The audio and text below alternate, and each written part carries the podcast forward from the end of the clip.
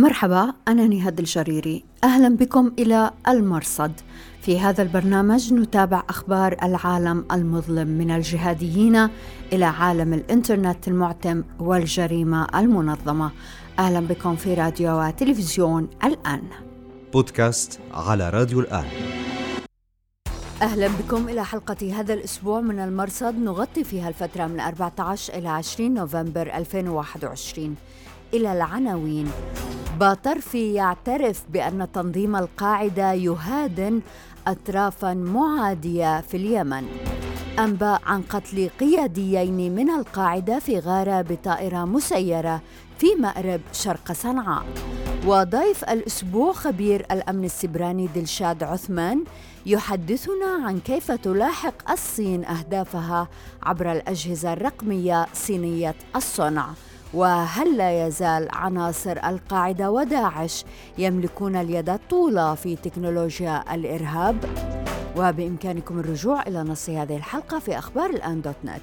بودكاست على راديو الآن.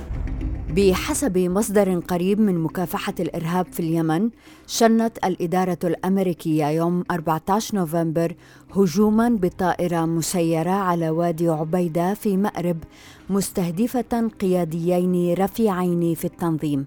بحسب هذا المصدر القريب من المكان الاثنان هما لطفي صالح اليزيدي المكنى العم صالح وصالح بمحيسون الاثنان من الوجوه المعروفة إبان سيطرة التنظيم على المكلا في 2015-2016 بعثت برسالة إلى سنت كوم الأمريكية للتحقق وسأعرض الرد حال وصوله. راديو الآن. مساء الخميس 19 نوفمبر بثت مؤسسة الملاحم الذراع الإعلامية لتنظيم القاعدة في اليمن. الجزء الثاني من اللقاء الخاص مع زعيم التنظيم خالد بطرفي الجزء الأول بث مساء الخميس 11 نوفمبر.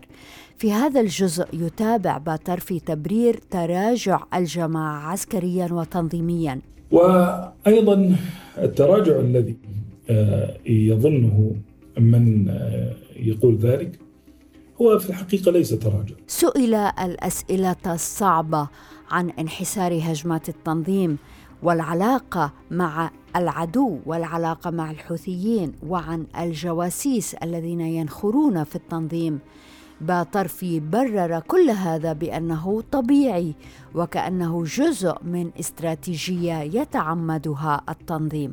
آه نحاول بقدر المستطاع أن نستمر في الإعداد وأيضا نحاول بقدر المستطاع أن تكون لنا عمليات نوعية بين الحين والآخر. أهم ما جاء في هذا الجزء هو أن الرجل يؤكد أن التنظيم يتعمد ترك القتال في بعض المواقع.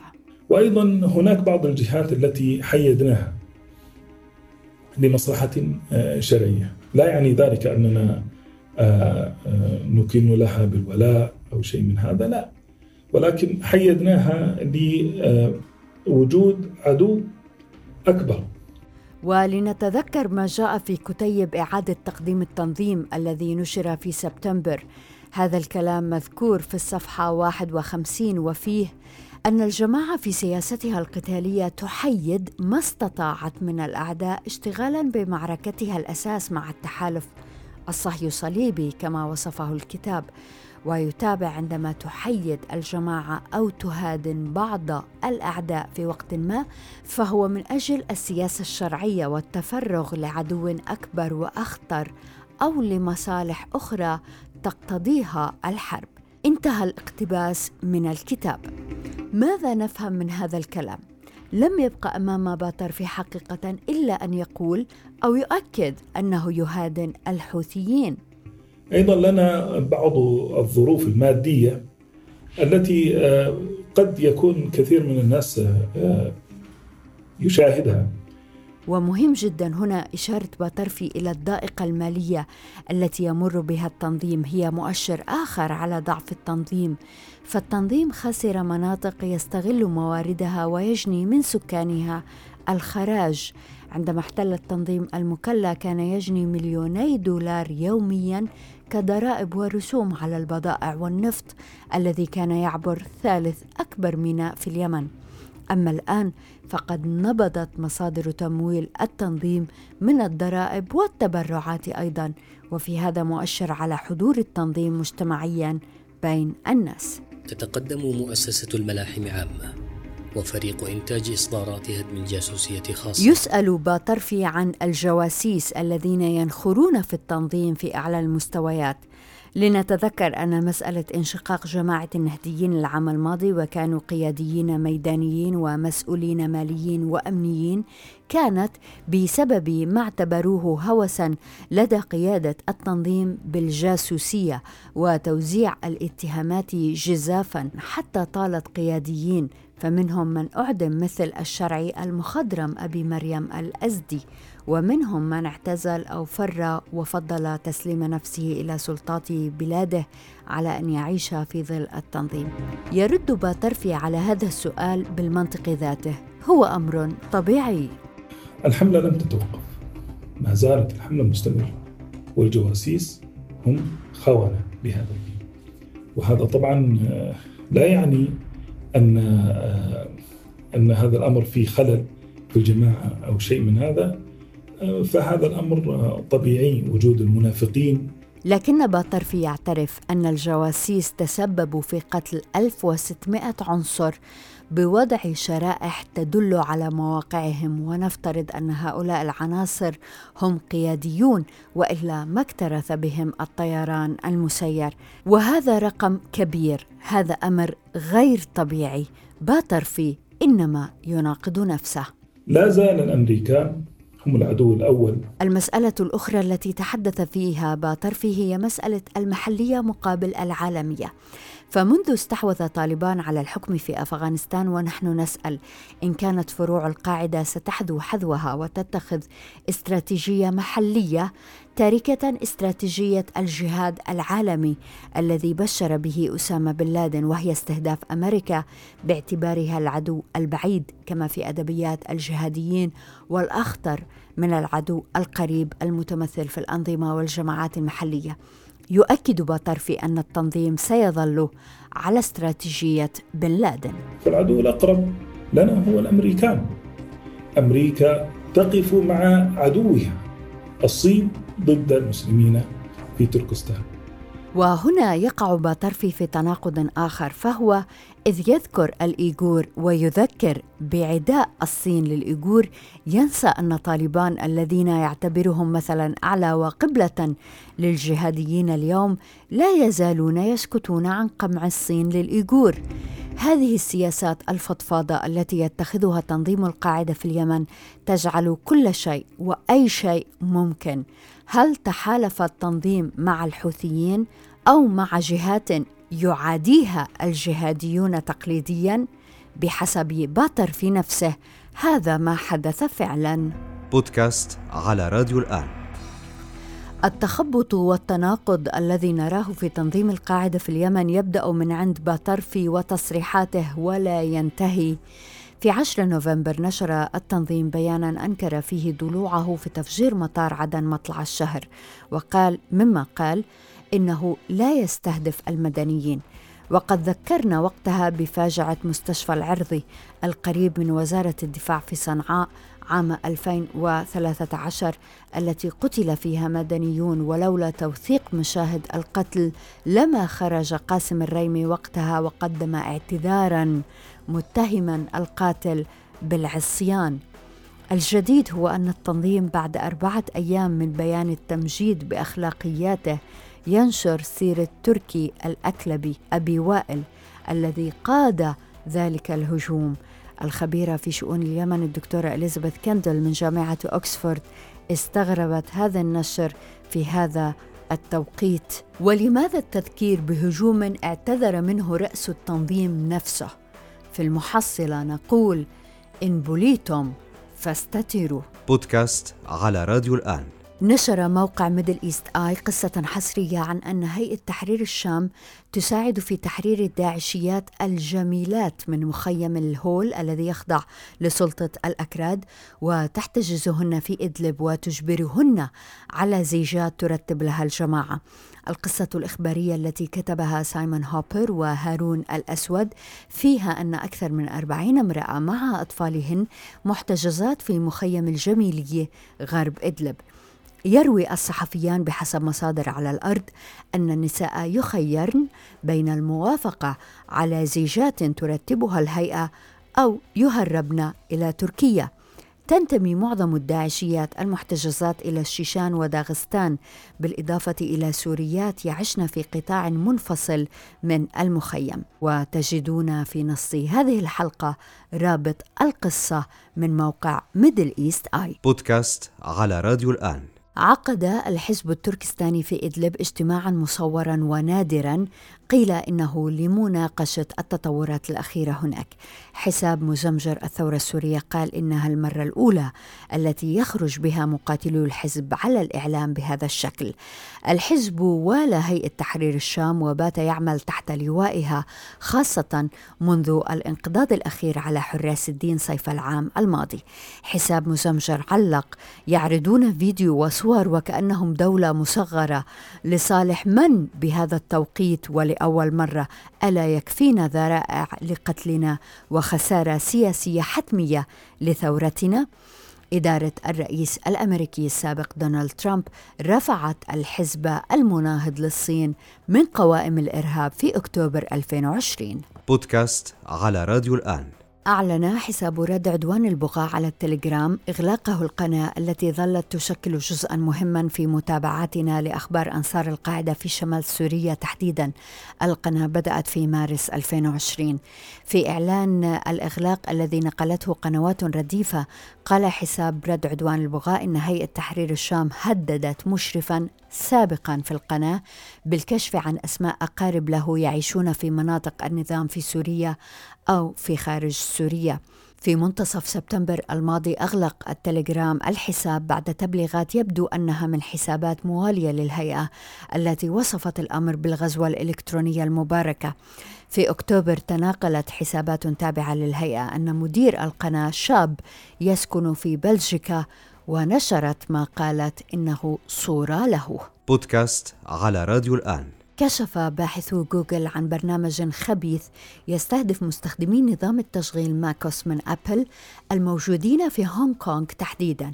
البرنامج هو نسخة من ماكما يستطيع تسجيل أصوات وتصوير سطح المكتب وتحميل أو تنزيل ملفات وتنفيذ أوامر مغرضة تغير برمجة الجهاز. يستهدف البرنامج على وجه الخصوص مؤسسة إعلامية وجماعة سياسية مناهضة للصين في هونغ كونغ.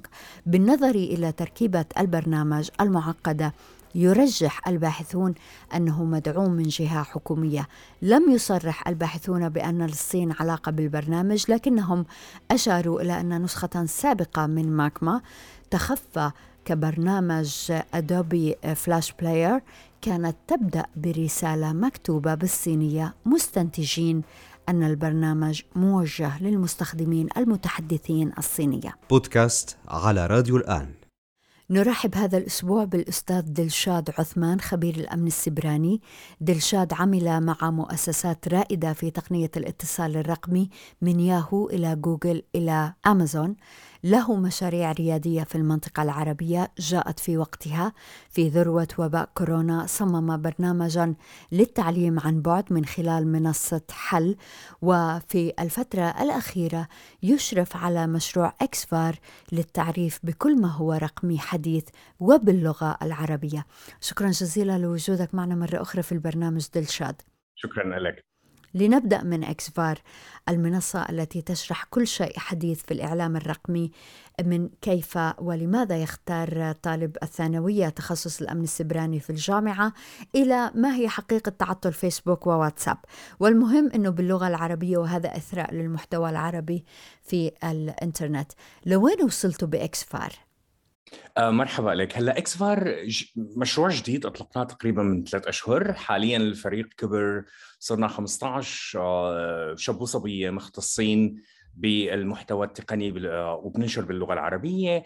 آه، المشروع حاليا عم بيركز على أمور محورية مثل الحوسبه السحابية الأمن السيبراني آه، البنى التحتية والاتصالات وغيرها من الأمور اللي حاسس آه، في حال دولنا في المنطقة ما ما حبت تواكب هالموضوع لازم نحن نواكب هذا الموضوع. فهذا هو الهدف الرئيسي للمشروع. تقريبا صرنا ناشرين ما يقارب ال 500 مقالة من من وقت الإطلاق. وبمناسبة الحديث عن فيسبوك ومع إطلاق الاسم التجاري ميتا ليعبر عن الشركة الأم لمنتجات فيسبوك وواتساب وإنستغرام كان فيسبوك بيعيش في نفس الوقت أسوأ أحواله بفضائح تتعلق بتورط التطبيق في جرائم التجار بالبشر وتعزيز بيئة الكراهية وبالتالي الإرهاب كيف ممكن تطبيق الفيسبوك الأول على مستوى العالم أنه يعزز بيئة من الكراهية والتطرف؟ تمام. هلا الفيسبوك بيستخدم خوارزميات لحتى يرتب أولويات الظهور لمحتوى معين. يعني انت مثلا ممكن تفتحي فيسبوك تبعك أول post حيكون post جايب كثير تعليقات وجايب تفاعلات كثير بلغة الفيسبوك اسمها engagement أي تفاعلات. آه، فخوارزمية فيسبوك لفترة ما كانت تدفع تجاه هي البوستات إنه تدفعوا تجاه البوستات اللي بتجيب تفاعلات كثيره تفاعلات آه، كبيرة وناس عم عم تعطي emotion reactions وجه غاضب أو قلب أو إلى آخره. فكان التركيز على هذا النوع من المحتوى. بفترة كان الفيسبوك هو منصة للصراعات السياسية بالولايات المتحدة الأمريكية فترة الانتخابات وما قبلها.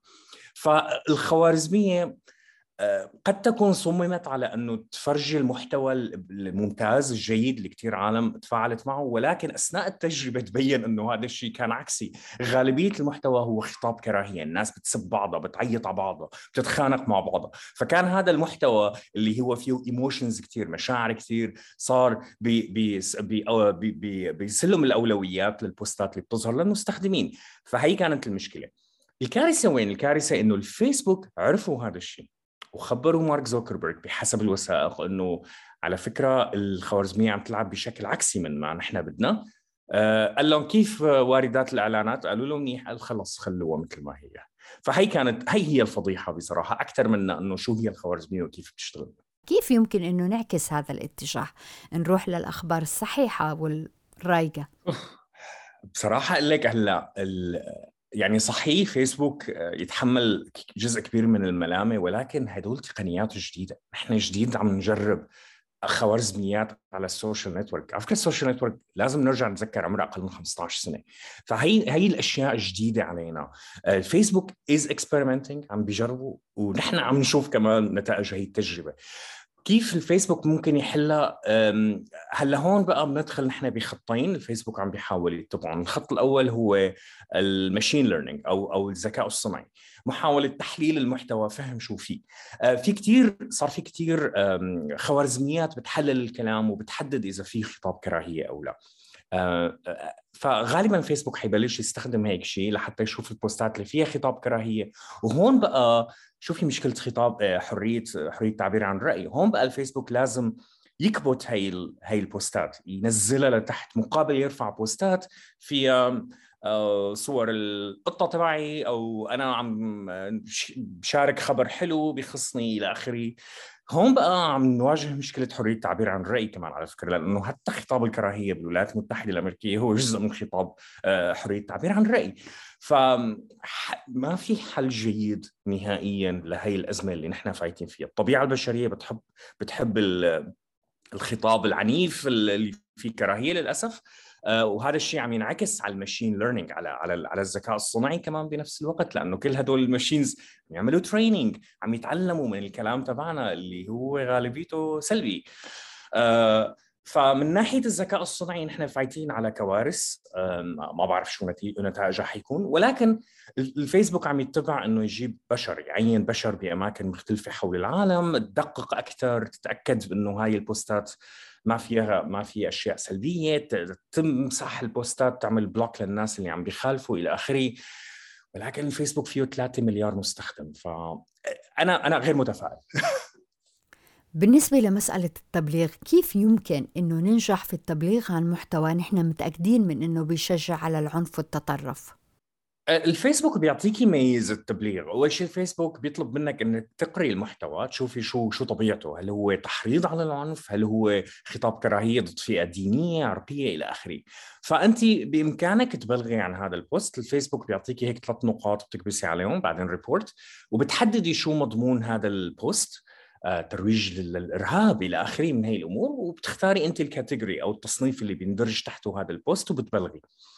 اللي بيصير الفيسبوك بيستلم طلبك بيحلل ال post ب machine learning أو بالذكاء الصناعي بيدور على كلمات مفتاحية. أنت فلنفرض أنت روجتي هذا أو آه، بلغتي عن هذا ال post إنه خطاب آه، ترويج للإرهاب مثلا. بيدور بيبحث عن كلمات مفتاحية مثلا آه، داعش كان بتقول باقية مثلا بيدور على هيك كلمات. بيشوف إذا شافها موجودة بهي ال post بيحذفه بدون ما حتى يفرجيه لبشر لموظف. ولكن في حال الآلة آه، كان عندها صعوبة بتحديد مضمون ال post بتبعته. بتعرفي في posts ذكية شوي بتروج الآلة بعدها بدائية بهي الحالة. بتروح لشخص بني آدم عن جد بيشوفه لل post بيحدد إذا هو آه، بيندرج تحت التصنيف اللي انت صنفتيه أو لا وعلى أساسه بياخذ اكشن ومن شان هيك بنشوف الجهاديين عم بيستبدلوا بعض الأحرف العربية بأحرف رومانية إنجليزية. نقاط أو نقاط أو فراغات هيك بيتجاوزوا الآلة تماما. دلشاد هلا نزال نعيش طفرة الإرهاب من خلال الإنترنت.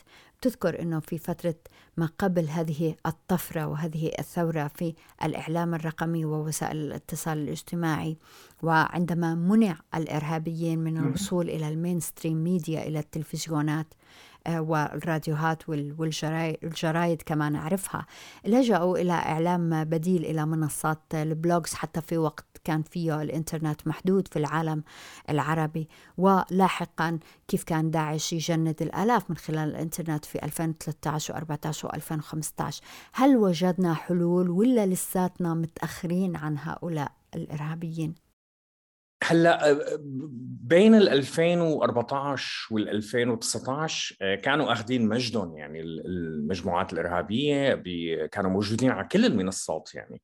آه، ولكن هاي المنصات بلشت تشتغل على ان تطالعهم من من من منصاتهم. هلأ للأمانة أنا آخر سنة مثلا خفت كثير كمية النتاج اللي كان يطلع لي على ال timelines تبعي يعني من من هاي المجموعات الإرهابية. فدليل إنه إنه هي هذا السطح فهمتي علي للإنترنت تنظف.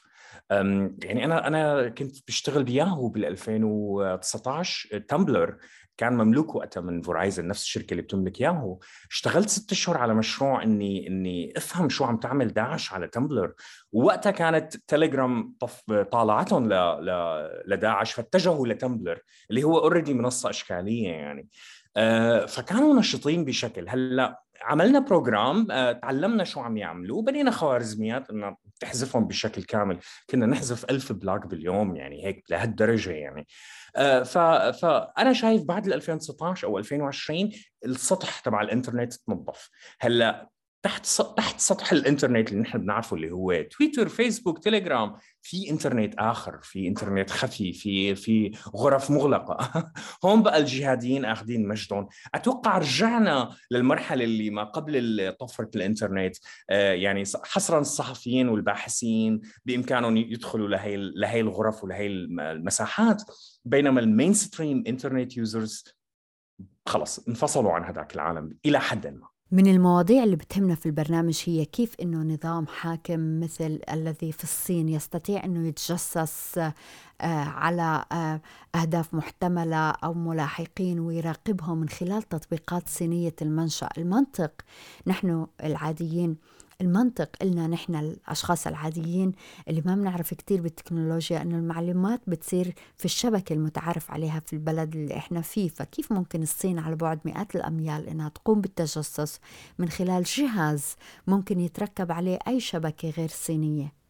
الصين كدولة كنظام حاكم كحزب شيوعي متحكم بكل شيء آه، أصدروا قانون آه، قانون الأمن الوطني حدثوا على قانون الأمن الوطني بالعام 2017 كان مسوده يمكن دخل بالتنفيذ بال 2019 هذا القانون بيجبر آه، بيعطي صلاحية للدولة إنها تدخل لل data اللي بتملكها أي شركة صينية.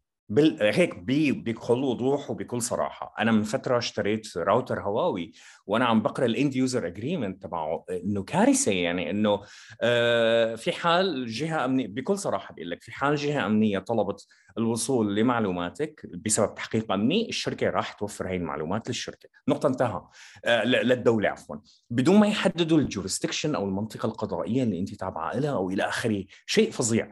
هلأ حيجي حدا تاني ويقول لك إنه إيه بس أمريكا بتعمل هيك. خليني أفرق شغلة. أمريكا الدستور الأمريكي مثلا هلأ أغلب الشركات التك أمريكية ولكن الدستور الأمريكي بيمنع على الدولة إنها تاخذ أو تدخل لمعلومات مواطنين خاصة فيهم. ممنوع ممنوع منعا باتا. بال 2014 أو 13 لما طلعت فضيحة سنودن كانت فضيحة وكان كان ثمنها غالي على الحكومة. ولكن فعليا الحكومة ما فيها تروح تدق الباب وتقول لحدا أعطوني معلومات آه نهاد لأنه أنا حابب شاكك في شيء مثلا.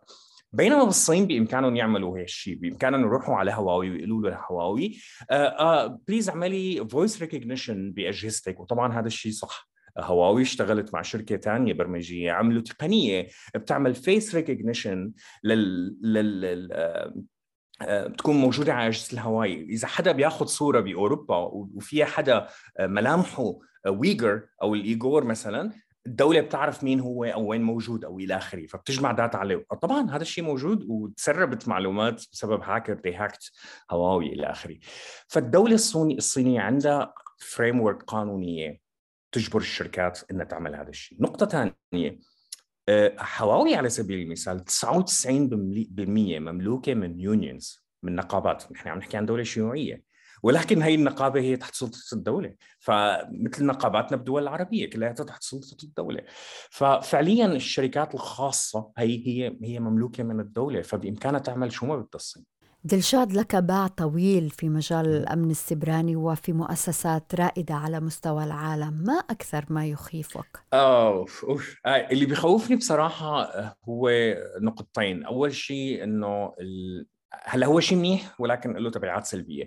التصنيع التقنية صار أمر سهل وصار متاح للجميع، الكل صار بيصنعوا تقنيات، الكل صار بيبنوا هذا الشيء آه، بيبنوا شيء جديد، خدمات جديدة، هذا الشيء عظيم كثير وبدنا إياه. ولكن ما حدا بينتبه للناحية الأمنية السيبرانية. فبنبني نحن أنظمة حلوة وظريفة المستخدم بيوثق فيها ببلش بيحط data فيها ثاني يوم بتخترق وبتطلع ال data تبع المستخدمين لبرا. فأنا كثير بخاف من الانفتاح على التصنيع بدون ما نحسب حساب الأمن السيبراني. هذا الشيء كارثي وبحاجة لأنه نتداركه كأشخاص تقنيين. النقطة الثانية اللي أنا أنا كثير بتخوفني هي بصراحة الفرق الشاسع بين آه، التقنية بعالمنا العربي وبين بين بين بين العالم الأول.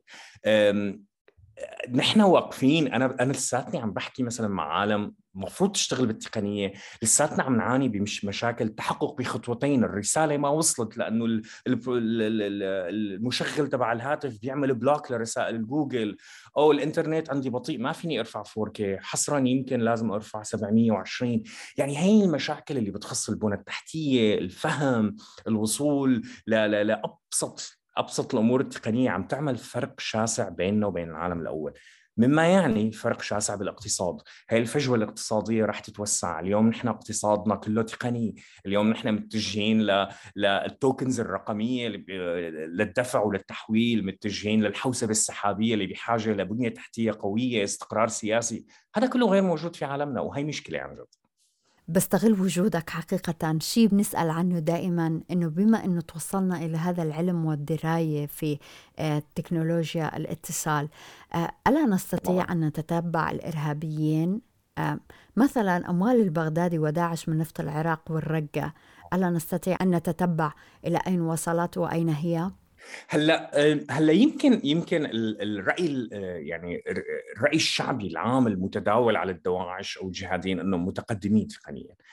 ولكن للأمانة يعني أغلب قيادات داعش تم اصطيادهم بال drones وهي هي كلها بسبب اختراقات هي كلها بسبب إنه هن ما أقوياء. خليني اعطيك مثال. أه، الصين عملت hacking بال 2019 استهدفت أه، مجاهدي تركستان بإدلب. طريقة الاستهداف كانت كالتالي. الصين اخترقت شيء بخص الشبكة البنية التحتية بهذيك المنطقة وشافت هدول الناس شو بيستخدموا أكثر شيء طلع إنهم بيستخدموا لعبة ببجي. عم بحكي جد وما عم بمزح يعني أنا شفت الريسيرش لما عمل. بيستخدموا لعبة ببجي اللي هي لعبة قتال بتنلعب على الشبكة. فعملوا إصدار آخر من ببجي آه، ولكن مدموج في آه، فيروسات وبعت وبعتوها لهدول الجماعة. هلأ كيف بعتوها في شيء اسمه watering hole vulnerabilities أو ثغرات آه، فتحة المياه. بما معناه ان اخترقوا الشبكة وصار لما أي حدا بده ينزل ببجي بيبعتوه على الببجي المزورة لأنه هن عندهم سيطرة على الشبكة تمام؟ تركيا كمان عملت هيك مرة. Anyways فهدول التركستان كلهم نزلوا هي اللعبة وصار يلعبوها بينما هي actually أجهزة مراقبة آه، أو برمجيات مراقبة وتجسس واخترقوا تقريبا 60 65 قيادي من قياداتهم. ذات الشيء بينطبق على الدواعش العاديين. فلما بتسمعي درون صاب قائد اعرفي إنه كان مخترق ورايح. فأنا ماني شايفهم بصراحة متقدمين طلع أفراد معينين إذا بتتذكري جنيد أو كذا كان في قيادات بالدواعش كانوا تقنيين متقدمين ولكن هدول تم اصطيادهم ببدايه تأسيس داعش.